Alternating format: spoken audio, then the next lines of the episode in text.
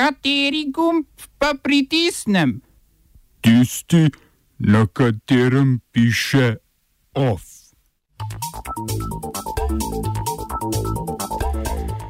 Avstrijska pošta je prodajala osebne podatke uporabnikov podjetjem in političnim strankam. Gvatemala se umika iz protikorupcijskega organa Združenih narodov. Francoski premijer bi prepovedal neprijavljene proteste.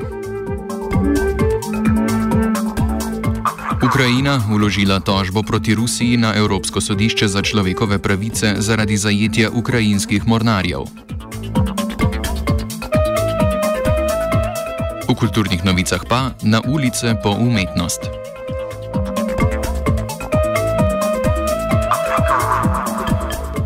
Ukrajina je vložila tožbo zoper Rusiji na Evropsko sodišče za človekove pravice in sicer zaradi zajetja ukrajinskih mornarjev. Namestnik ministra za pravosodje in ukrajinski komisar na Evropskem sodišču za človekove pravice Ivan Liščina je pojasnil, da je Ukrajina vložila tožbo zaradi zajetja 24 mornarjev 25. novembra v Črnem morju v bližini Kerčenske ožine. Vsi mornarji so se razglasili za vojne ujetnike. Mornarji so bili dva meseca priprti zaradi obtožbe nelegalnega prečkanja meje. Vsem grozi do šest let zapora.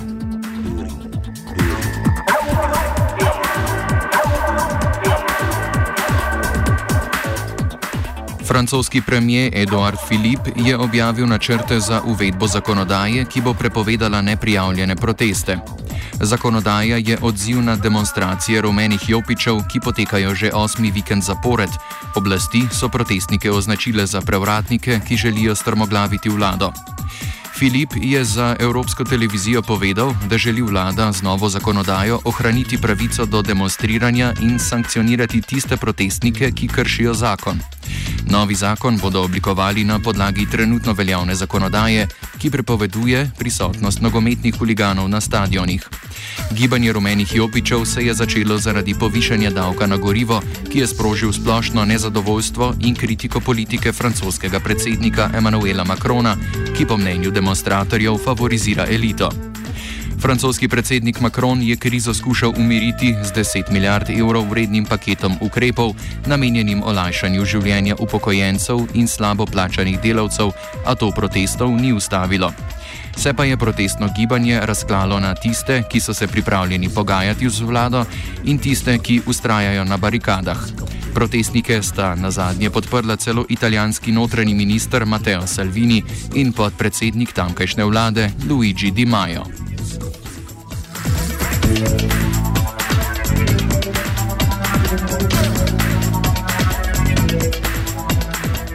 Novi kalifornijski guverner Gavin Newsom je podpisal izvršni ukaz, ki bi lahko povsem preoblikoval način pridobivanja in plačevanja zdravil, predpisanih z receptom. Z nastopom mandata Newsona je mandat nastopil v ponedeljek in obljubil, da se bo boril proti neenakosti, ki jo odraža administracija pripadnika Donalda Trumpa. V izvršnem ukazu je pozval državne uradnike k oblikovanju največjega sistema za prodajo zdravil v ZDA. Poleg tega je v nalogu k pogajanju o oceni zdravil povabil Medicaid, zvezdni program, ki zagotavlja zavarovanje za tiste z nizkimi prihodki. Medicaid bi se tako pridružil pogajanjem o ocenah zdravil za vseh svojih 13 milijonov uporabnikov. Na ta način bi koristi zavarovancev od organizacije vzdrževanja zdravja preusmeril k tistemu, ki omogoča zvezdni državi, da obravnava vse nakupe. Zvezdna država bi tako pripravila seznam zdravil, ki bi se kupovala po enotnih cenah. Izvršni ukaz dopušča tudi vključitev privatnih podjetij in drugih državnih agencij v pogajanja s farmacevtskimi podjetji.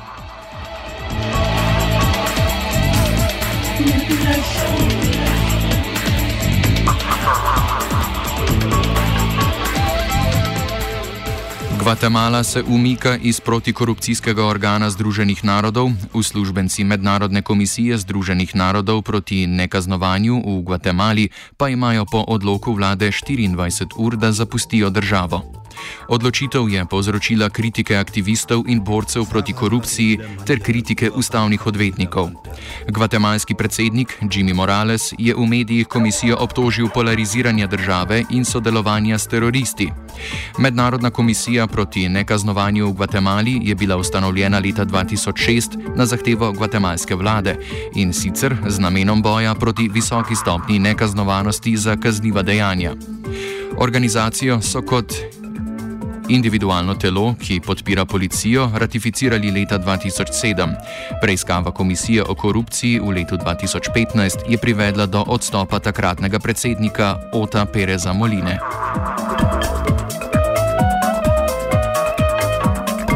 خلخالي لما جارك وخلخالي لما جارك V nemilosti kritikov se je znašla avstrijska državna pošta. Po razkritju avstrijskega portala za preiskovalno novinarstvo Adendum je pošta drugim podjetjem za namen ciljnega marketinštva prodajala imena, naslove, starost in spol 3 milijonov avstrijskih potrošnikov, od tega tudi podatke o političnih preferencah 2,2 milijona ljudi. Podatke o političnih preferencah je pošta prodajala tudi političnim strankam, da so lahko v predvolilnih kampanjah bolje ciljale na potencijalne podpornike. Po poročanju avstrijske tiskovne agencije je pošta od leta 2001 trgovala z osebnimi podatki prek lastne platforme, zaradi česar so postavili lastno spletno trgovino. Situacijo pojasni predstavnik epicentra Works avstrijske nevladne organizacije za človeške pravice.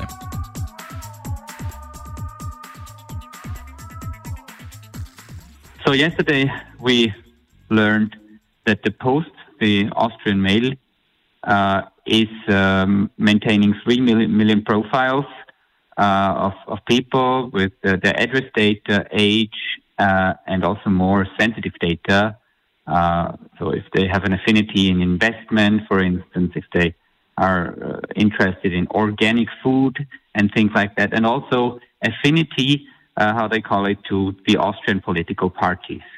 Uh, so they are storing of two million Austrians uh, their political opinion if they tend to like one or the other party more. Uh, and uh, this is clearly uh, a special category of personal data under uh, Article 9 GDPR. Uh, and uh, even if they claim it's only a certain likelihood, they calculate somehow it's still enough that this counts as personal data and as sensitive data. It's not necessary that they have to be sure that all their data is correct.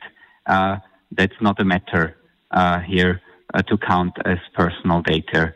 And so they do list broking with that data, uh, and they base that on uh, Section 151 of the Austrian Trade Regulation Act. It's called Gewerbeordnung in German. Uh, it's a, a, provision for publishers of address databases, and uh, it is unclear whether this Section 151 is compliant to GDPR anyway. Uh, because Austria would need an opening clause to issue such, uh, to enact such a provision. And I cannot see an opening clause for a provision like this.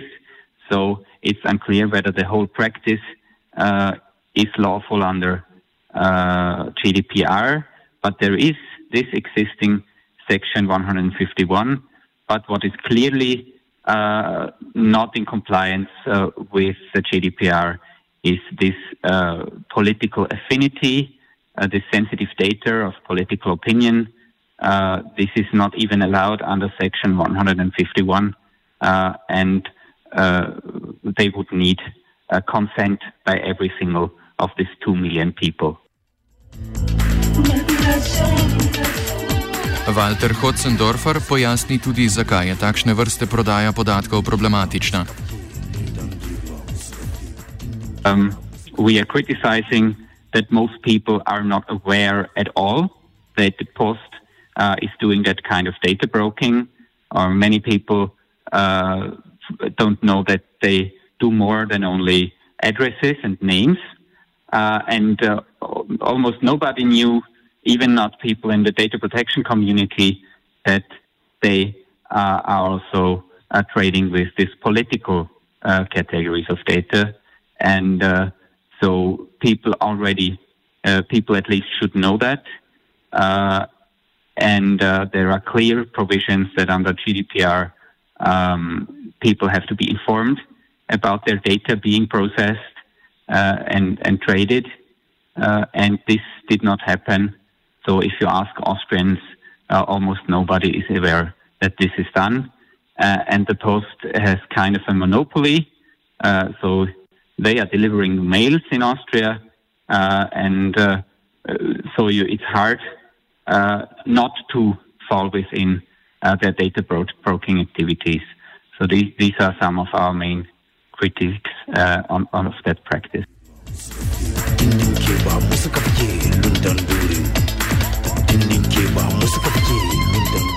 Ruanska vlada je prepovedala prodajo izdelkov za beljenje kože. Mnogi se bojijo, da bo prepoved tovrstnih izdelkov zgolj privedla do nakupa nere, ne, nereguliranih proizvodov, ki bi lahko ogrozili zdravje žensk. Prodaja izdelkov za beljenje kože v afriških državah je letno vredna več milijard evrov. Podobno prepoved so že uvedle nekatere afriške države, kot so Ghana, Kenija in Južna Afrika a se nasprotniki prepovedi prav tako borijo proti prepovedi, saj ta spodbuja tihotapce to vrstnih kozmetičnih izdelkov.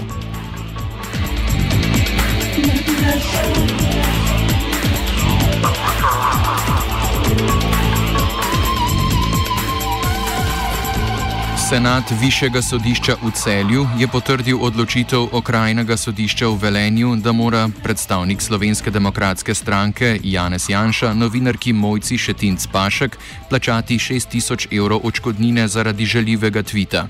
Janša bo moral Paškovi povrniti tudi stroške pritožbenega postopka. Velensko okrajno sodišče je že oktobra leta 2016 razsodilo, da mora Janez Janša novinarki in urednici radiotelevizije Slovenija Šetinc Paškovi plačati očkodino 6000 evrov zaradi žaljivega tvita, v katerem je njo in novinarko Eugenijo Karl označil za odsluženi prostitutki. Janšo je tožila tudi Karlova, le da je više sodišče v celju v njenem primeru novembra lani ugodilo Janši in obtožbo Karlove vrnilo na prvo stopnjo stopnjo.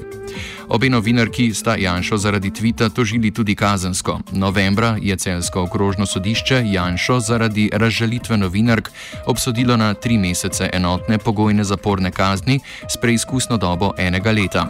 Janšov zastopnik je že vložil pritožbo.